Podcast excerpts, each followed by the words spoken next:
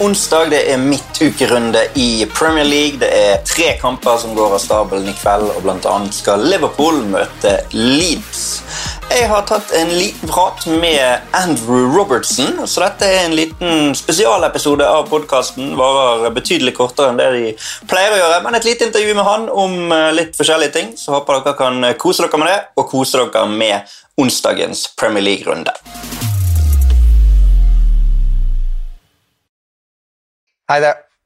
I just want to start by talking about uh, we're we're entering the business end of the season now. Games coming thick and fast. Champions League in the middle of the week. Premier League at the weekend.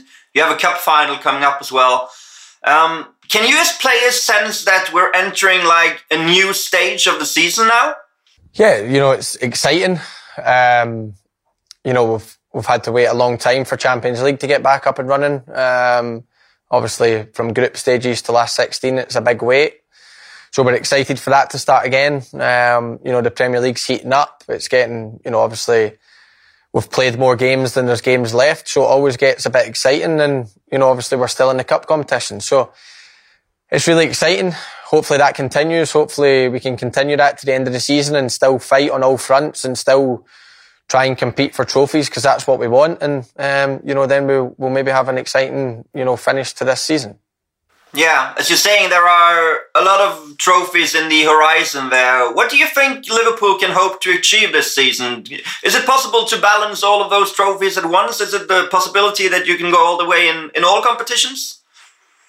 To be honest, we don't we don't really look at that. You know, we look at you know each game as they come, and we try and win every one of them. So we have the attitude that we try and win every single game that we, we play in. It's not always possi- possible, but that's what we try and that's what we'll continue to do. You know, we don't look too far ahead. We don't, we don't look into the future. Um, we just look what's happening here and now and the games are coming thick and fast. We're playing every three days just now, every four days and there's not much time to recover or, you know, rest or whatever. So it's just, you know, just keep focusing on the next game, keep focusing on the next challenge and, and trying to do what try and do what we're good at and try and keep winning games. And if we do that, then it will get us closer to the targets that we've got and it will take us closer to, to where we want to be. And then, you know, at the end of the season, let's see if we're celebrating something or if we fall short. But, you know, we will, we'll keep trying um, in every game that we play. So it's true that is it true that players even don't look at the table, or because all fans look at the table and think like, okay, if we can win the next game and and they can lose, we can we can uh, narrow that gap. Do you don't do that as players? Is it a national thing to do? Not as much. Like we know, we know the we know the gap's nine points to Man City. Of course we do. Um, but you know, I, I, I, don't I don't really look at who Man City have got next or who they've got in the next six games or five games or whatever. I, you know, I look at our next game. That's all I look at.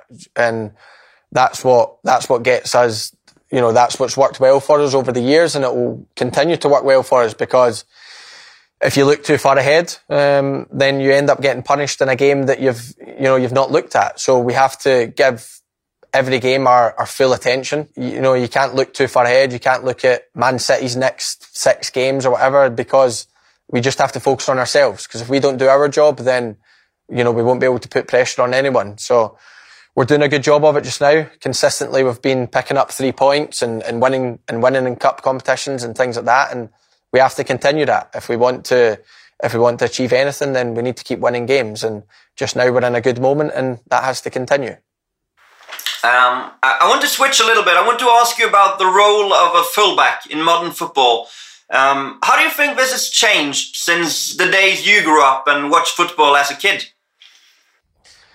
Yeah, look, we're a lot more attacking now. Um, you know, when I was growing up, a, a fullback was there to keep the winger out of the game, to mark your winger out of the game, and that's what I grew up watching. And of course, they still went forward, and they still, but it wasn't as much. It wasn't, you know, as much. But the art of defending was um, was always there, and I still try and take that from you know the people I I, I grew up idolising. Um, I still like to be as hopefully you know as successful as them at keeping my winger quiet. Um, you know, every game I don't want my winger to score or to create chances or anything. I want to try and keep them out the game and and then I try and go forward as well. I try and I try and create chances. I try and, you know, chip in with assists and things like that. But, um, you know, I still think that the most important job for the, a fullback is to defend.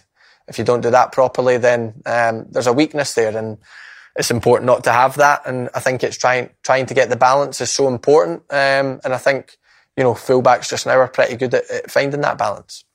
You mentioned the players you were idolizing, and you, you of course know the, the, the saying that Jamie Carragher said that no one wants to grow up to be a Gary Neville.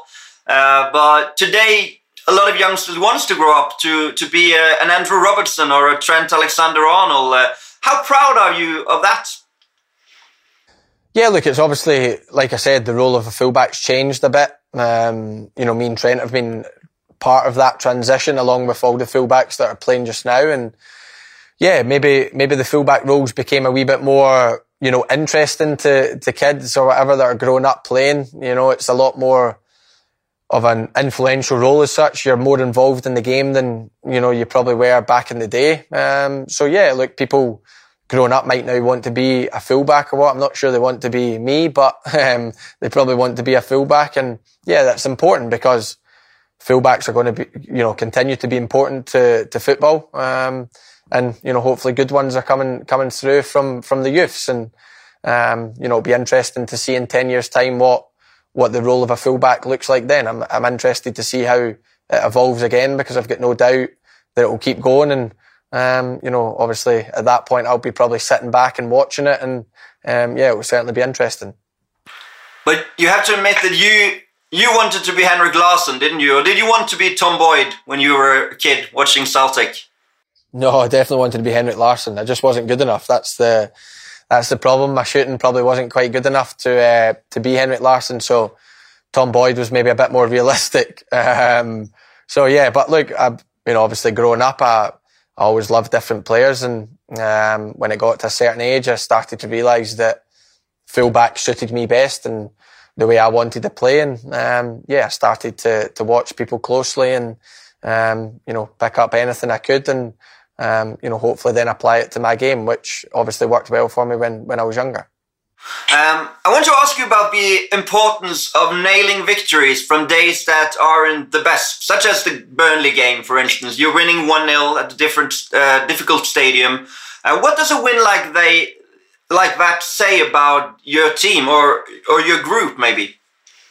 Yeah, so important. Um, you know, so important to um, win games like that as well as winning. You know, you can't always win three 0 or four 0 You have to you have to win ugly sometimes and. Burnley was an incredible, difficult game. Um, you know, the conditions were, were really tough. The team we were playing against were, you know, really tough to play against and fighting for their lives down the bottom of the league. And we know how difficult that can be. So to get out of there with the three points, a clean sheet, um, a kind of scrappy goal was was important, um, and they're they're just as important. You know, there's all you can get is three points, and um, it doesn't matter how you get them. As long as you win the game, then that's all that matters, and that's what that's what applied at the weekend there.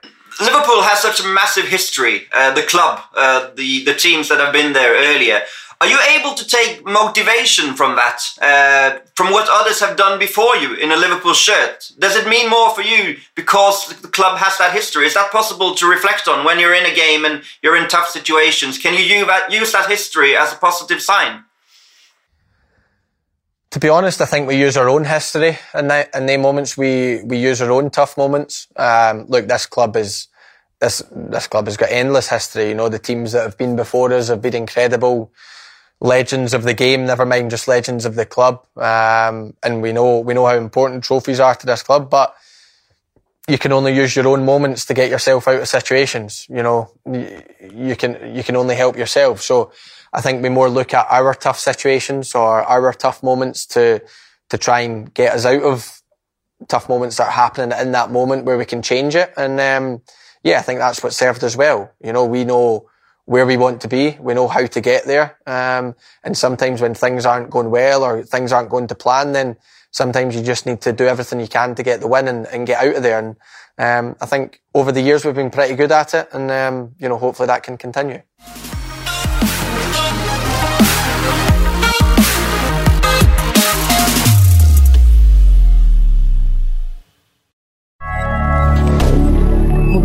D'accord.